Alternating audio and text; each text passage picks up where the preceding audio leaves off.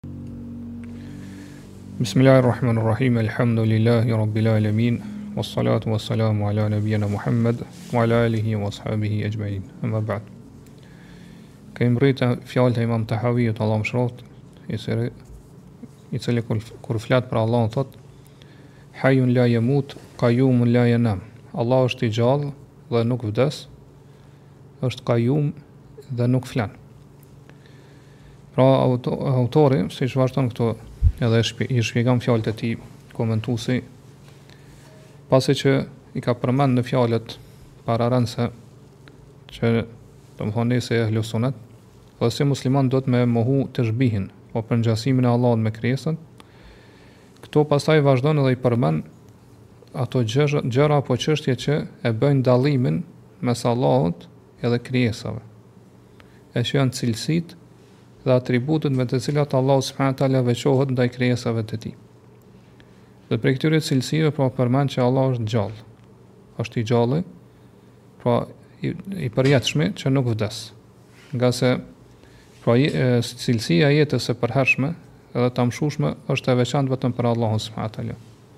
dhe jo për krijesat e tij, siç e dimë pra, ngase krijesat vdesin. Gjithashtu, po e përmend që Allah gjithashtu është edhe kajum. Kajum, pra me këtë dallon prej krijesave, me këtë cilësinë tjetër, ose emrin tjetër që është kajum, ngase nuk flan. Pra Allah subhanahu wa taala është i veçuar ndaj krijesave të Tij që nuk flen dhe gjithashtu edhe qysh kena i marrë argumentet nuk kotet, pra nuk e zënë kotja apo dremitja. Ndërsa krijesat janë ata që flenë. Dhe me këtë pra autori na jep shenjë që kur ne si ehlu sunet e mohojmë teshbihin përngjasimin e Allahut me krijesat e Tij, nuk është qëllimi që me mohu cilësitë e Allahut subhanahu Nuk është qëllimi që me mohu atributet e Allahut subhanahu Mirëpo Allahu subhanahu wa taala është i përshkruar, i cilësuar me atribute, të cilat tregojnë përsosuri, ngase vetë Allahu subhanahu wa taala në qenien e tij është i përsosur. Dhe pastaj pra komentuesi e sjell një krahasim thotë ai që është i gjallë me jetë të përhershme, kurrsesi nuk i përngjason atij i cili është i gjallë me jetë të përkohshme ose kalimtare. Për këtë arsye Allahu subhanahu wa taala e përshkruan jetën e kësaj bote që është një kënaqësi e përkohshme, po një dëfrim edhe një, një lojë e cila kalon shumë shpejt. Ndërsa kur flet për jetën e botës tjetër thotë, "Wa inna dara al-akhirata la hiya al-hayawan." Ndërsa jeta e botës tjetër është jeta e vërtetë. Siç ka ardhur në surën Ankebut në ajetin 64. Pra, jeta e kësaj bote është sikurse gjumi. Ndërsa jeta e botës tjetër është sikurse zgjimi, kur njeri zgjohet prej gjumit. Prandaj këtu dikujt mundet me i shku në mendje, siç e përmend këtu komentuesi, Allahu e mëshiroftë, që thotë edhe jeta e botës tjetër sa i përket pra njerëzve apo krijesave është e plotë, për arsye se është e përhershme dhe e amshueshme. Mirëpo, përgjigja ndaj kësaj është se i gjalli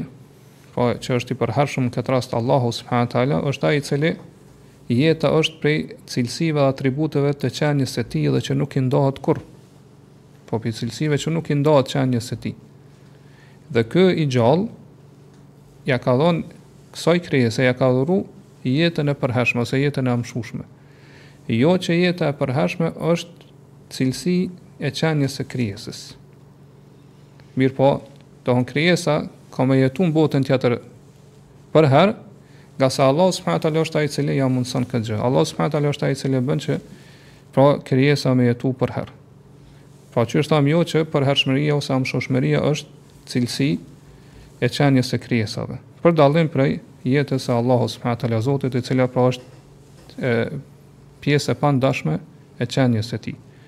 Dhe ngjajshëm është pra çështja edhe me cilësitë apo atributet e tjera të Allahut subhanahu teala, po që të gjitha i takojnë ose i, i përkasin krijuesit, pra Allahu subhanahu teala sipas madhështisë dhe madhërisë së tij, ndërsa edhe cilësitë e atributet e krijesave pra shkojnë sipas qenies së tyre të dobët ose të mangët.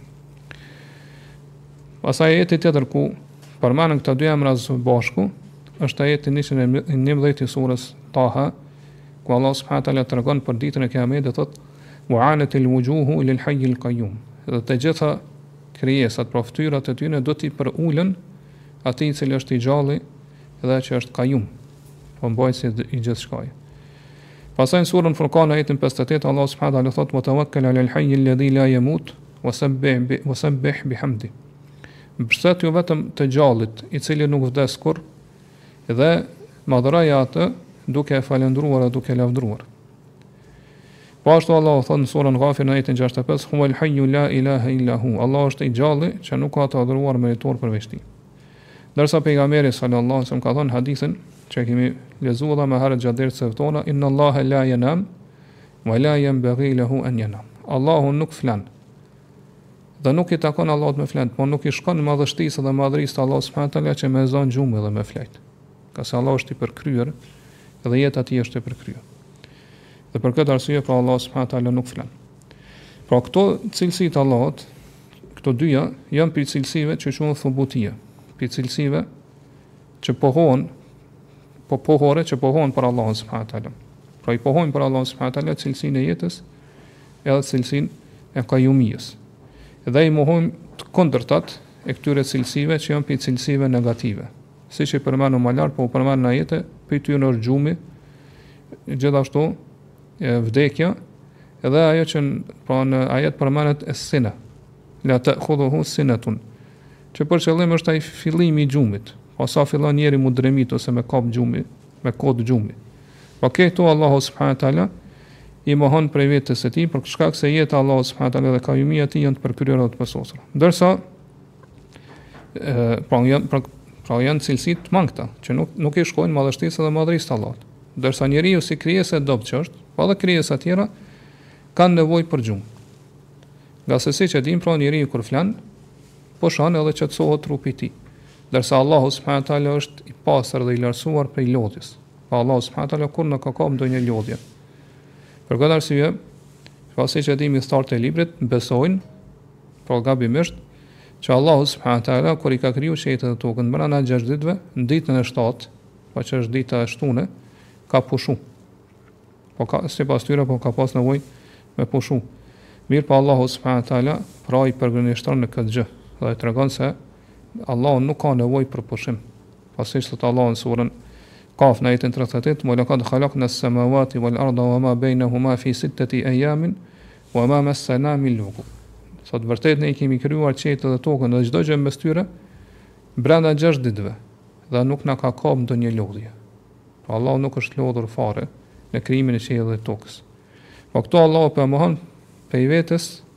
cilësinë që është lughub, pra cilësinë negative që do të thotë lodhje. Ngase kjo tregon mangësi. Po nuk ka nëse dikush që krijon lodhet, atëherë nuk është krijues i përsosur. Krijuesi absolut dhe i përsosur nuk lodhet kurrë. Për këtë arsye, pra, me këtë Allah po na tregon se Allah është i cilësuar dhe i përshkruar me çdo përsosuri. Gjithashtu Allahu subhanahu wa taala është ai i cili i mban këto krijesa. Allahu është ai i cili i mban këto krijesa. Prandaj po e quan veten e tij El Kaium. Po El Kaium është ai i cili vet qëndron, po vet vetëqëndron edhe ekziston, po gjithashtu edhe që i mban krijesat e tij në jetë. Pra qëllimi që i mban pra i mbikëqyr ata dhe kujdeset për ta. I ruan e kështu me radhë. Siç thotë Allahu subhanahu wa taala në suren Anbiya në ajetin 42,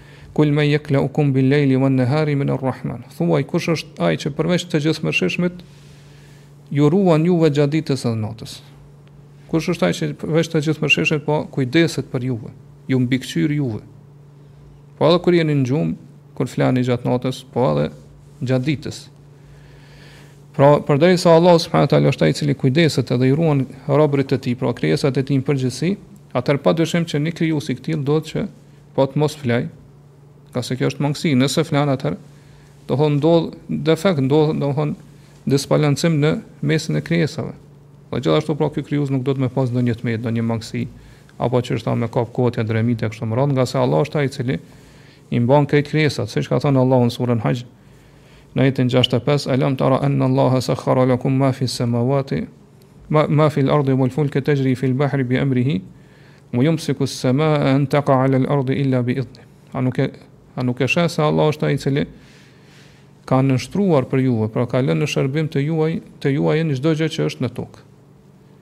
Madje edhe anija ec në deti me urdhnin e Allahut, lundron në deti me urdhnin e Allahut, pra në shërbim të juaj, për dobi të juaj. Pra Allahu ka bërë ligje të tilla, që anija pra me lundru në deti dhe ju me përfitu prej kësaj.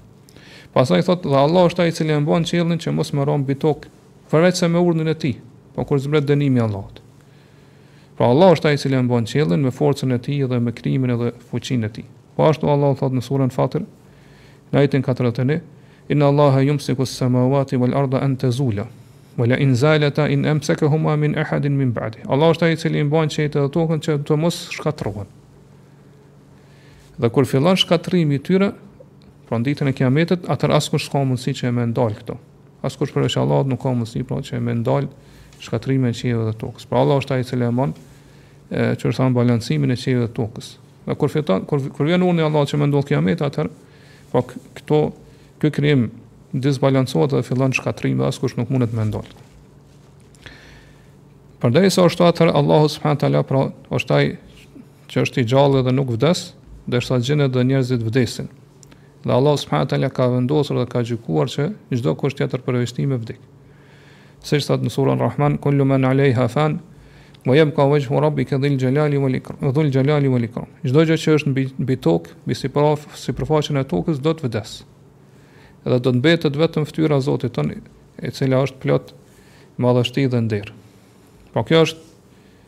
Argument që tregon se pra jetën e Allahut subhanahu wa taala në jetën e tij nuk i shfaqet, nuk i ndodhin ndonjë ndryshim apo mangësi. Ja, nuk ka dyshim që prej gjërave që tregojnë mangësi për jetën e dikujt është gjumi. Për këtë arsye, domethënë gjumi quhet vllau i vdekjes. Gjumi njihet ose quhet si vllau i vdekjes. Pra gjumi është një lloj vdekje e vogël, siç ka thënë Allahu në surën Zumer, në ajetin 42, Allahu yatawaffa al-anfusa hina mawtiha wallati lam tamut fi manamiha. Allahu është ai i cili merr shpirtat kur i vjen çasti i vdekjes, Por edhe i merr shpirtat kur ata janë në gjumë. Po kur të flajnë njerëz, atëherë Allahu i merr shpirtat e tyre. Pra, kjo po tregon se gjumi qenka i ngjajshëm me vdekjen. Për këtë arsye Allahu pra e mohon për veten e tij gjumin. Dhe gjithashtu madje i mohon edhe ato gjërat që i paraprin gjumit, siç është pra, siç thamë dremitja apo kotja. Ja, ky ajet pra tregon se muslimanët besojnë që Allahu subhanahu taala është i përshkruar apo i cilësuar me cilësitë e përsosërisë siç është jeta e plotë e përkryer, gjithashtu edhe kajumia e plotë. Dhe në këtë çështje, pra edhe eshàritë pajtohen me ehli sunetin në pohimin, ose domethënë grupe tjera, sekte tjera pajtohen me pohimin që Allah s.a. është i gjallë. Mirëpo, në pohimin e kësaj cilësie, ata mbështeten vetëm në mendje, por nuk bazohen fare në argumentet fetare. Thojnë ne e pohojmë këtë cilësi të Allahut subhanahu teala për për arsye se mendja na tregon për të. Dhe nuk i marrim parasysh ose në konsideratë, pra argumentet e qarta që i lexum lart prej ajeteve dhe haditheve që tregojnë se Allahu është i gjallë. Sidoqoftë, domethënë, nuk ka dyshim që edhe mendja e pohon këtë gjë. Pra edhe mendja e njeriut e pohon që patjetër krijuesi me kanë i gjallë edhe i përhershëm. Po së pari, po mendja tregon pra në mënyrë të pakontestueshme që Allahu ekziston. Dhe argumentet dhe provat që tregojnë për ekzistimin e Allahut, pra krijuesit, janë të shumta. Domethënë edhe edhe lloj-llojshme, edhe domethënë kanë mënyra ose rrugë të shumta, të cilat tregojnë se domethënë ekziston krijuesi. Dhe përderisa ky krijuesi ekziston atëherë kjo patjetër na na sjell rezultatin që ky krijues po na sjell një rezultat të pashmangshëm që ky krijues është i gjallë. Dhe jeta e tij pra është jetë e përkryer. Jeta e tij është jetë e përkryer, po në kuptimin që është jetë që nuk i ka parapri inekzistenca dhe nuk i paraprin vdekja. Dhe qysh thamë deri tash nuk i shfaqet ndonjë ndryshim ose ndonjë mangësi kësaj jetë.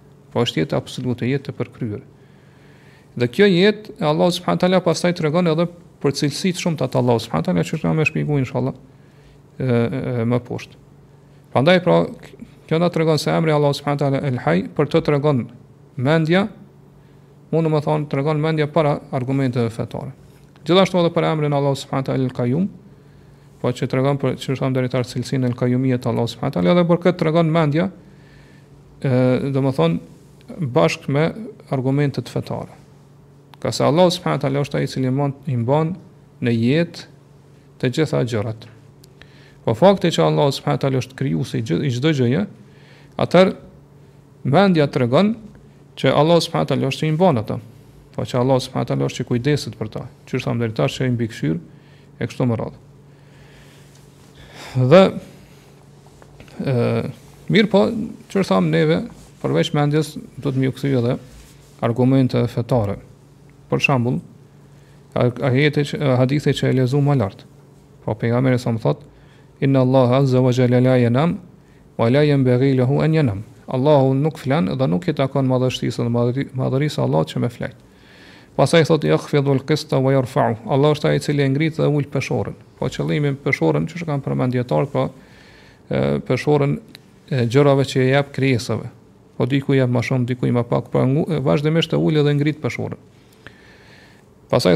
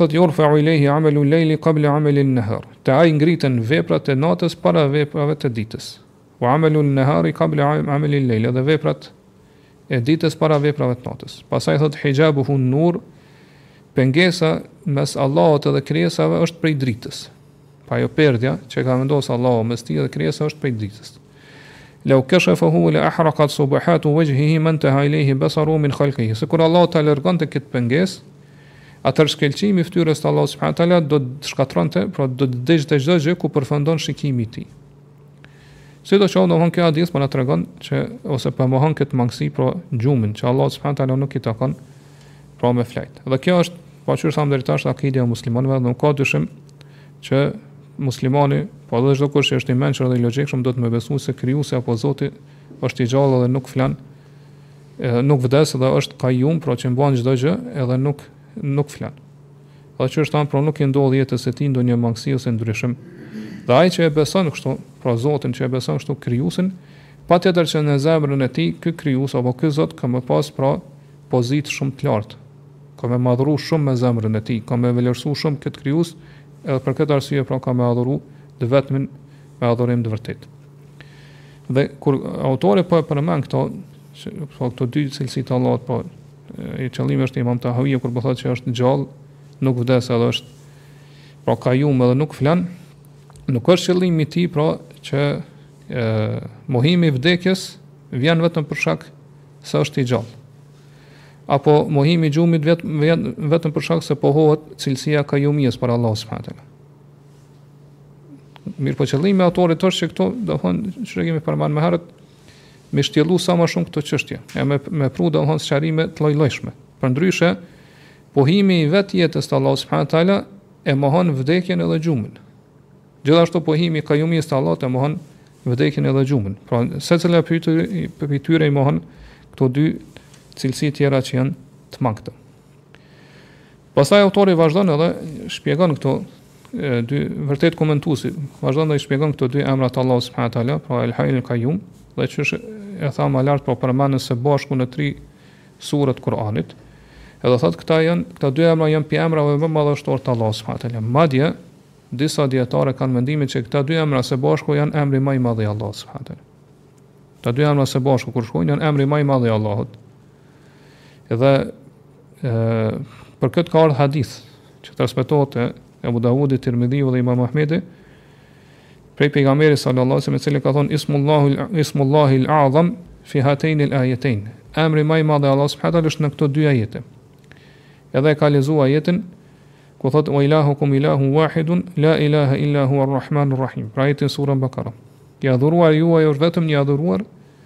Dhe ai është i gjithëmëshirshmi, nuk ka të adhuruar me meritë përveç tij, ai është i gjithëmëshirshmi dhe mëshirëploti ose mëshirëbërësi. Dhe gjithashtu e ka lexu pastaj ajetin e parë ose në fillim, te ajetin e dytë të surës Ali Imran që lexum më lart. Ku Allahu thotë Allahu la ilaha illa huwa al hayyul qayyum. Allah është ai që nuk ka të adhuruar me meritë përveç tij, që është i gjallë dhe el qayyum. Për arsye, pse thotë këta janë këta dietar kanë shkuar në këtë mendim që kjo është Emri më i madh i Allahut këta dy së bashku, ngase thotë këta dy emra së bashku i pohojnë të gjitha cilësitë e përsosurisë të Allahut subhanahu teala në mënyrën më të plotë edhe më të vërtetë, më të saktë. Nga ngase thot emri i Allahut El Qayyum tregon për ezelien edhe ebedien e Allahut, pra tregon se Allah është i pafillim edhe pa mbarim. Dhe për këtë thot tregon më shumë se sa emri Allahut El Kadim, për cilin kemi fol më herët. Gjithashtu, ky emri Allahut El Kajum tregon që Allahu subhanahu wa taala që është ëm ekziston vetvetiu, pra që ekzistimi i Allahut subhanahu wa taala është i domosdoshëm. Pastaj thot El Kajum tregon më fuqishëm për këtë cilësi të Allahut se sa emri El Kajjam. Këtë kena me shpjegu insha Allah më poshtë, ngase wawi në gjuhën arabe është më i fortë se sa elifi. Gjithashtu thot ky ky emër thotë tregon se Allahu subhanahu wa taala qëndron vet. Dhe kët për këto thotë kë ka pajtueshmëri mes komentuesve të Kuranit edhe me edhe shkencëtarëve të gjuhës arabe. Edhe kjo thotë është një gjë e njohur domosdoshmërisht, pra që është në natyrën e njeriu me besu këtë gjë.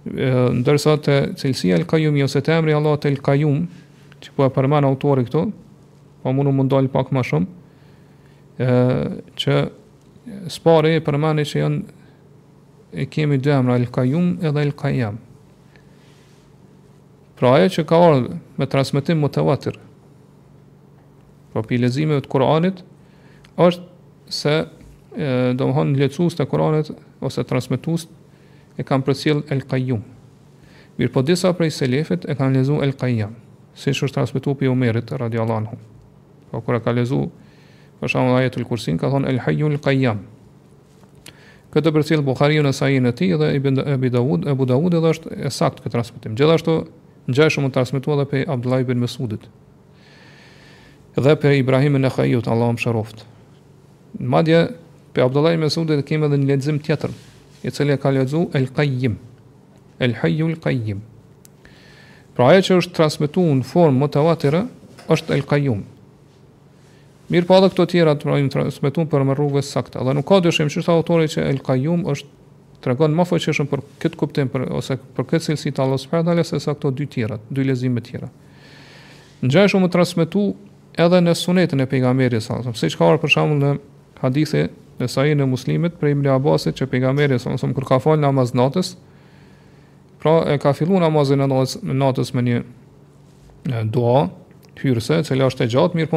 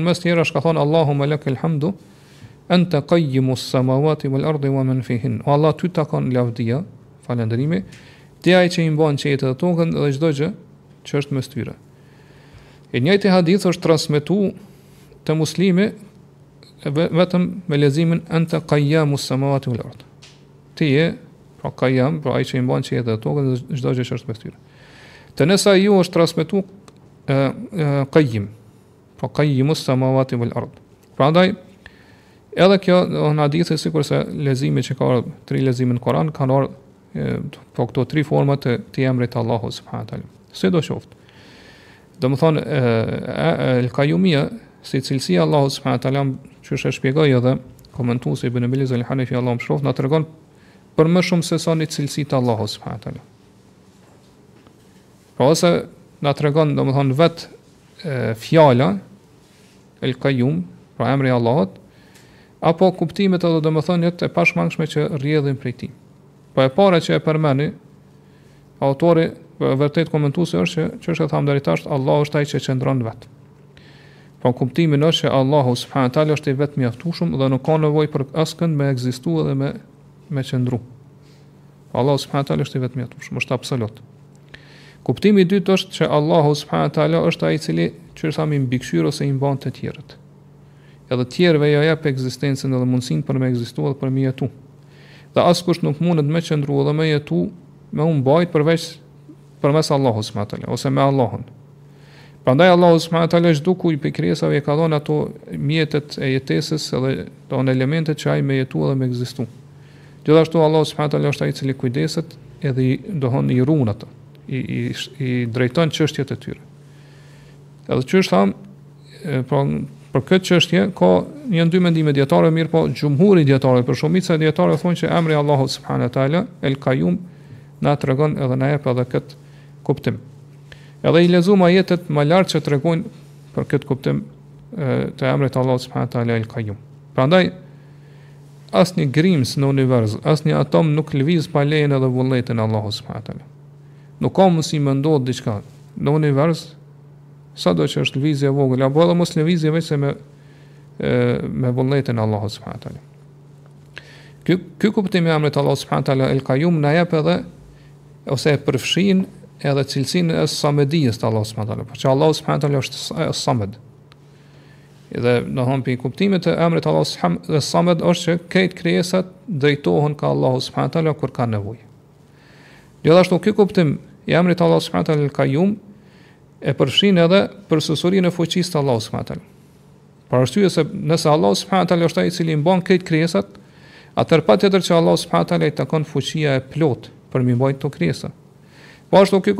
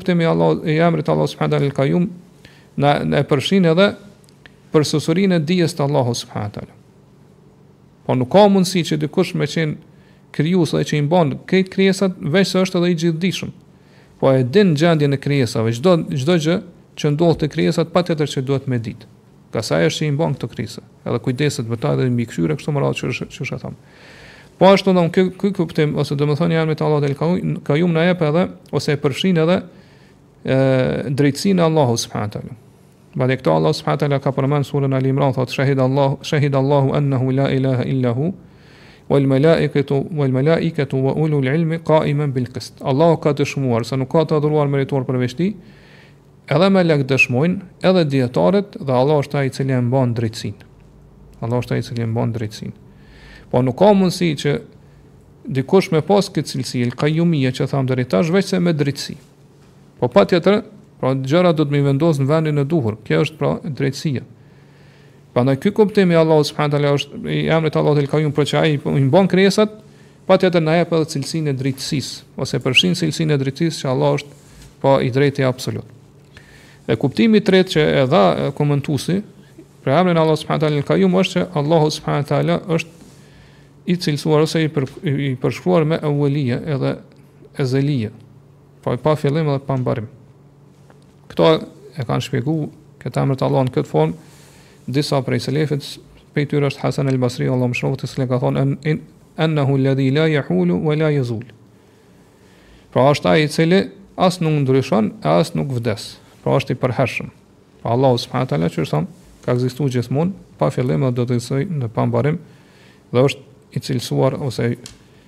i atribuar me përsosëri dhe pra larg çdo të mete, larg çdo mangësie. Dhe për këtë arsye qysh po thamë pra vetë Allahu, po e mohon ose pe pe mohon prej vetes së tij gjumin apo vdekjen apo kotjen e kështu me radhë. Ngase Allah është ai i cili kujdeset për gjitha çështjet e krijesave të tij. Po patjetër do të me kenë i, i lartësuar prej këtyre të metave. Përndryshe qysh thamë, universi s'kish ekzistu, ose do me kish pas çrregullime në të, nuk kish pas kësi harmonie kaq të plotë. Edhe, prandaj Allah prej mëshirës së tij është që i mban qiejt edhe tokën që të mos shkatërrohen. Prandaj, përmbledhtas mund me thonë që ky emër madhështor Allahut, po El Kajum, tregon qoftë, do me thonë, vetë emri, pra si fjalë, apo duke përshirë gjëra tjera, apo duke tregu,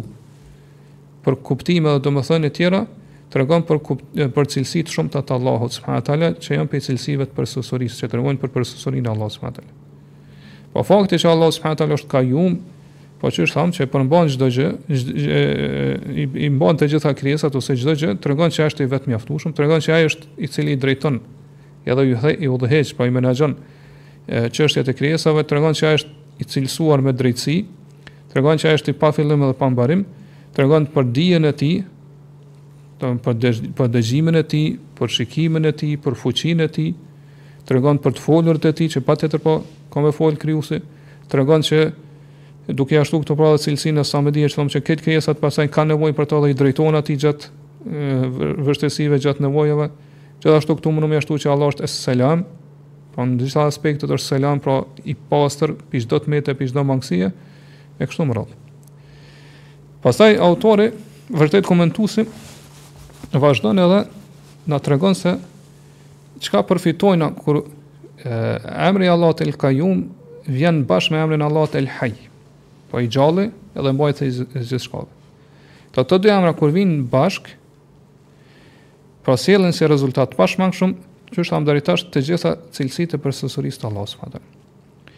Po gjithashtu thotë kur vijnë këta dy emra bashkë, tregojnë që këto cilësi të Allahut subhanahu teala janë të përhershme. Janë të përhershme edhe të vazhdueshme, po kurrë nuk nuk zhduken ose nuk e, largohen prej Allahut subhanahu teala ose nuk mangësohen prej tij. Pra edhe janë të përhershme, po edhe nuk zhduken apo nuk mangësohen. Pra, këto cilësi të, të Allahut subhanahu taala kanë qenë me të në pa fillim, edhe do të vazhdojnë me qenë me të pra në pa mbarim. Për këtë arsye, pra vazhdon thot ajetul kursi është konsideruar si ajeti më i madh në Kur'an. ngase përfshin po në mesin e shumë cilësive të Allahut edhe këto dyja, pra El Hayyul Qayyum. Dhe kjo e dim pra është saktësuar në hadithin e pejgamberit sallallahu sallallahu alaihi wasallam,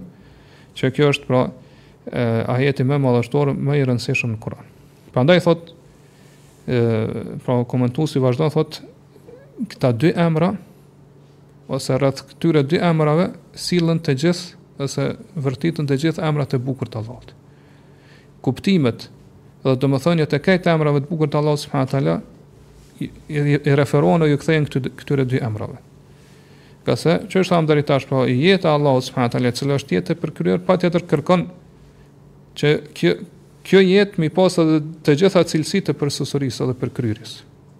Nuk ka mundësi një jetë të përkryer mi mungu ndonjë prej cilësive. Po nëse një jetë, një jetë i mungon ndonjë prej cilësive, atëherë është jetë e mangët ose është jetë e dobët.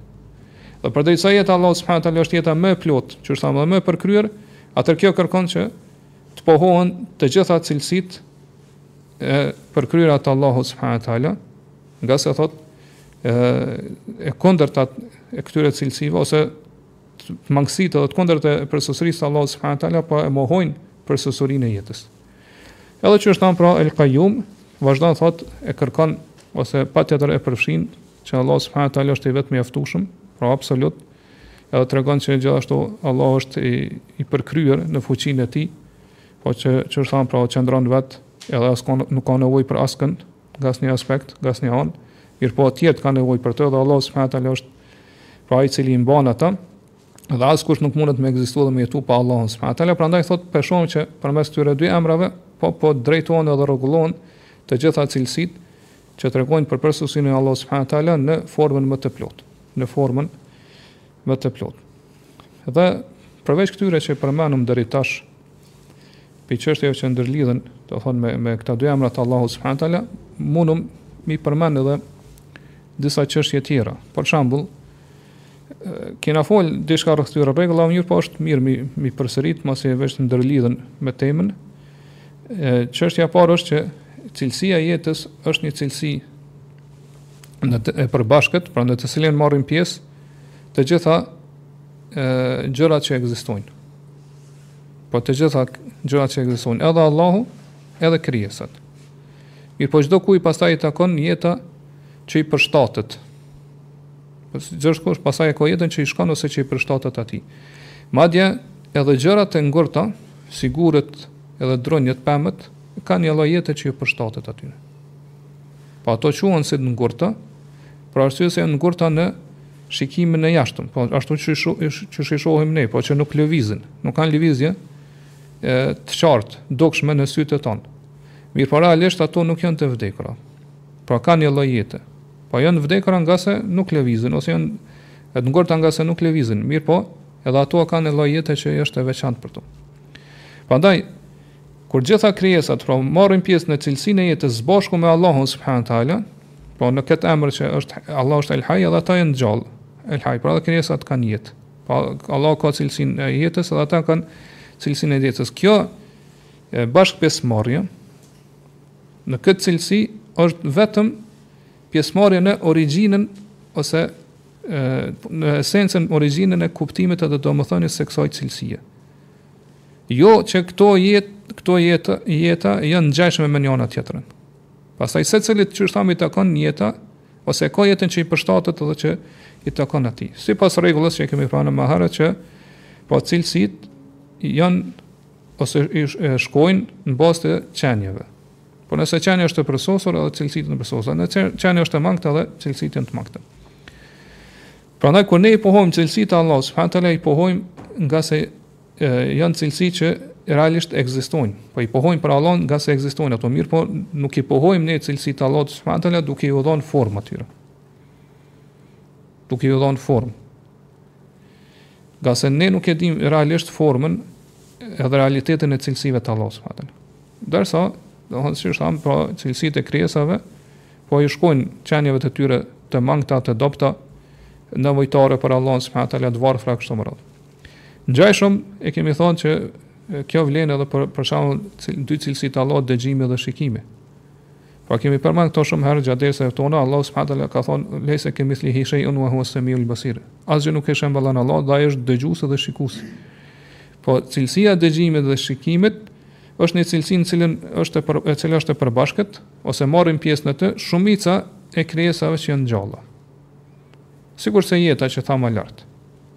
e cila është domthonë e është cilësi e përbashkët mes gjitha krijesave që janë gjalla.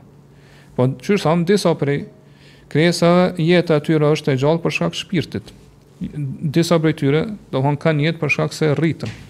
Zhvillohen edhe rritën. Nuk kanë shpirt, mirëpo zhvillohen edhe rritën. Ata kanë një lloj jete. Disa prej tyre kanë një jetë e cila është e veçantë për ta. Edhe pse çysh thamë nuk i shohim ne në sy, me sytë tonë që po lvizin.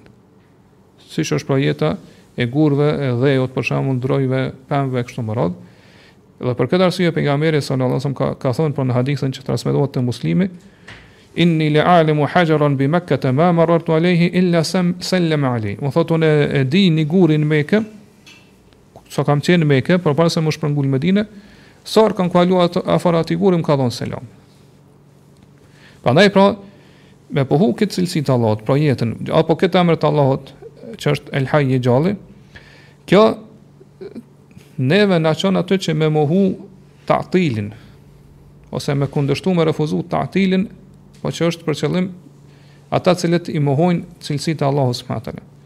Po njëkohësisht, domthon pohimi i kësaj cilësie të Allahut subhanahu teala E tregon apo e zhvlerëson e tregon kotësinë e texhsimit apo teshbihit, përngjasimit të Allahut subhanahu teala me krijesat.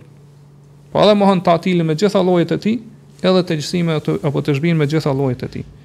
Për këtë arsye pra, ky emër i madhështor i Allahut subhanahu teala, po është emër i veçantë, po në formën e, e plotësisë dhe përkryerjes është i veçantë vetëm për Allahun. Ngase krijesa, pra që është ka një lloj jete, mirëpo, për shembull te njeriu, krijesa jeta e tij është e shkurtër. Pra është një histori e shkurtër, po ka njeriu dëshirë me zgjat, mirëpo nuk mundet. Ose dëshiron për shembull cilësinë e jetës së tij me përmisu, me bë më të plotë, mirëpo nuk mundet. Prandaj këtu shfaqet ajo ajo mangësia në këtë në në jetën e njeriu apo në këtë cilësi e cila është e përbashkët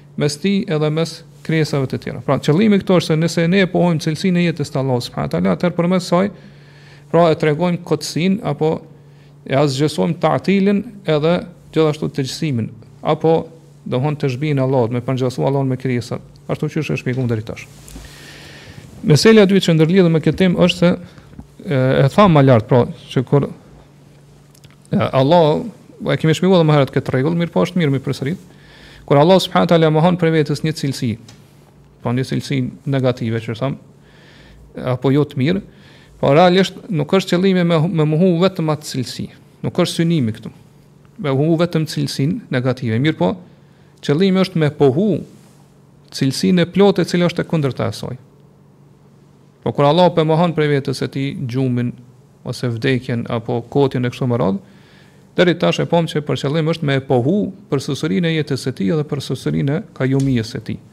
Po kjo e konfirmon edhe më shumë do thot pohimin. Edhe kjo është një rregull e njohur te ehli suneti. Sa herë që e hasim në Kur'an që Allahu po e mohon prej vetes së tij ndonjë cilësi negative, aty qëllimi është po çështa me pohu përsosurinë e cila është e kundërta e saj, siç është rasti për shembull kur Allah thotë wa la yadhlimu rabbuka ahada.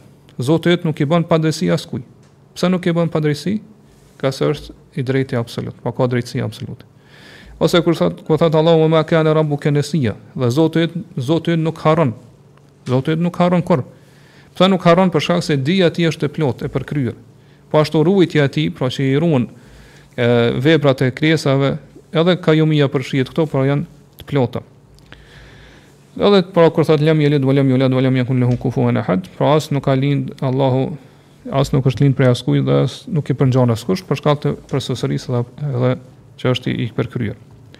Çështja tjetër që ndërlidhet me këta dy emra të Allahut subhanahu wa taala është se siç e pamë po deri tash këta dy emra të Allahut apo cilësitë që i përfshin këta dy emra të Allahut subhanahu wa taala patjetër që kanë gjurmë ose lajnë gjurmë në te krijesat e tij.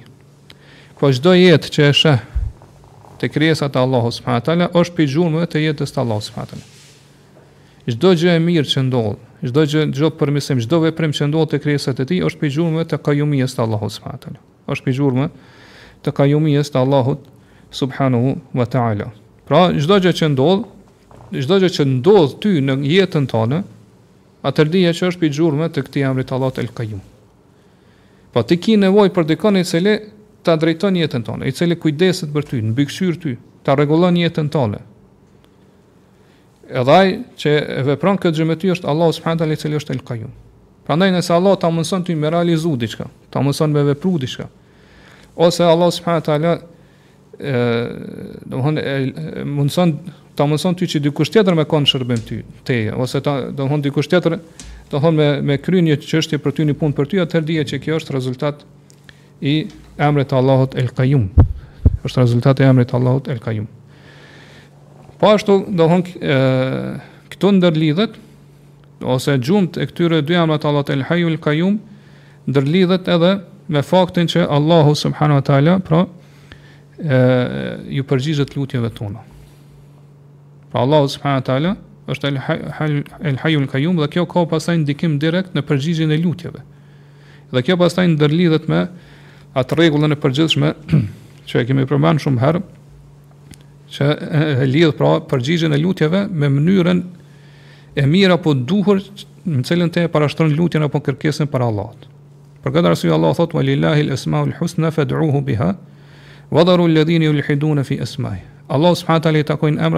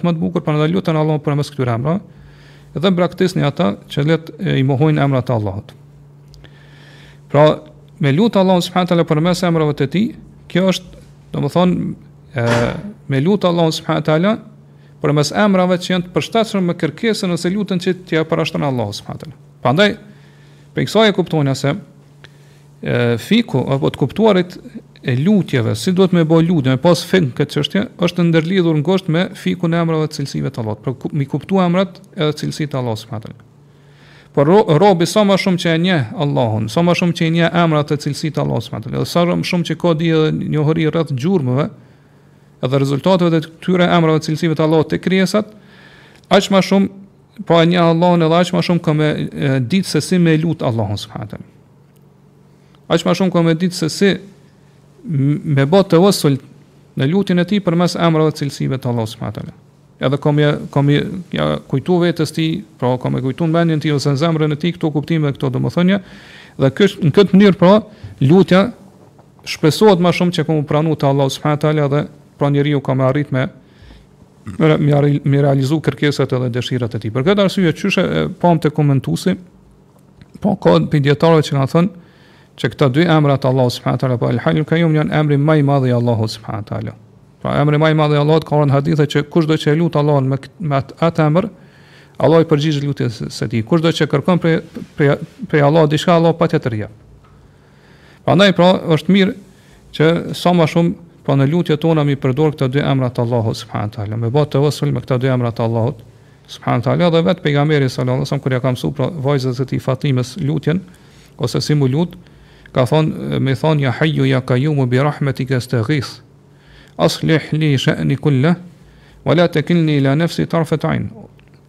Ja haju ja kajum, pra i gjallë dhe kajum, me, me, unë kërkoj ndihmë prej teje me, me mshirën tënde. Përmirësoji të gjitha çështjet e mia, edhe mos, e lej, mos më lejo që t'i mbështetem vetes time as sa lëvizja e qerpikut. Prandaj, pra, është mirë qysh thamë që robi vazhdemisht me lut Allahun subhanahu teala ose me i përdor gjatë lutjes së tij këta dy emra. Ngase, këta dy emra përveç që Pra, paskan ndikim edhe gjurmë tek njerëzit dhe tek krijesat, edhe qysh e pamë deri tash tregojnë për përsosurinë e Allahut subhanahu taala. Realisht, pra këta dy emra na tregojnë edhe për tauhidin e Allahut subhanahu taala. Po një Zot një krijues i cili qenka kaq i përkryer, kaq absolut, po që paska një jetë të përkryer absolute që domethënë nuk i shfaqet, qysh thamë deri tash nuk i nuk i ndodh asnjë mangësi, asnjë ndryshim.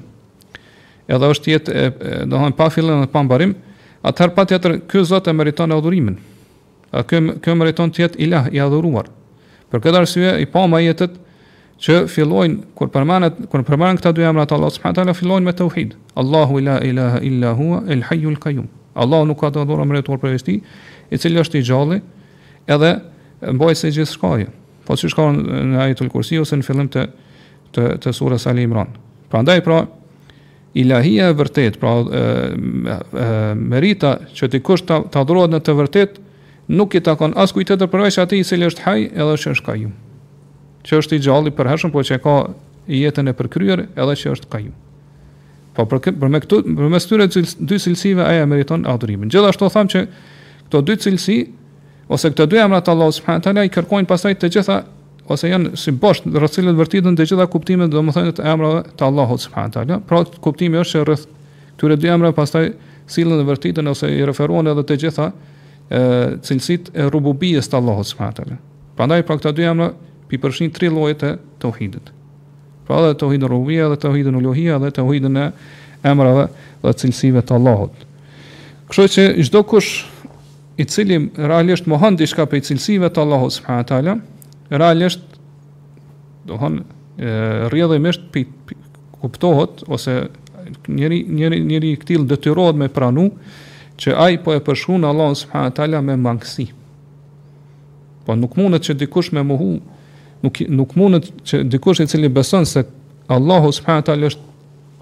El Hayy, pra është i gjalli dhe jeta e tij është e përkryer e pastaj me mohu diçka prej cilësive të tij.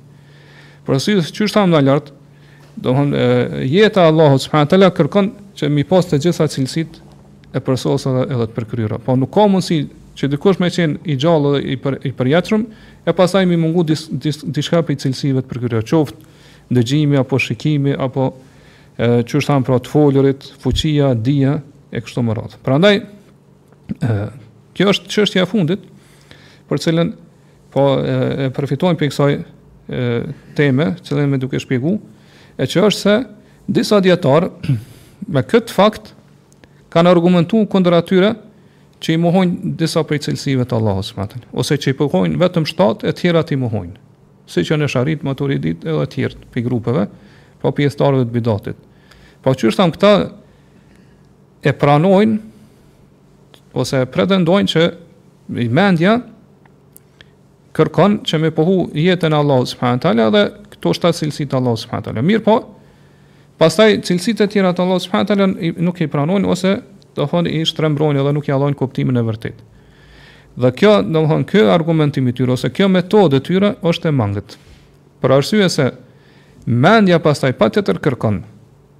qysh thamë, në formë të kuptimeve ose domethënieve të pashmangshme që i kërkojnë këta dy emra të Allahut, El Hajj El Kajjum, që me pohu edhe cilësitë e shumta të Allahut subhanahu teala ma shumë se sa shtatë. Po ma shumë se sa shtatë që i kanë pohu këto grupe ose këto, këto e, e, e, sekte në islam. Pra pamë që jeta e Allahut subhanahu wa taala përderisa është jetë e përkryer e përsosur kërkon më shumë se sa shtatë cilësitë e Allahut subhanahu wa taala që mi pohu për për për Allahun subhanahu wa taala. Gjithashtu edhe emri i Allahut subhanahu wa taala el-Qayyum kërkon që Allahu subhanahu wa taala pra mi pohu edhe edhe shumë më shumë cilësi se sa këto shtatë që i kanë pohu ata. Prandaj pra edhe nga ana e mendjes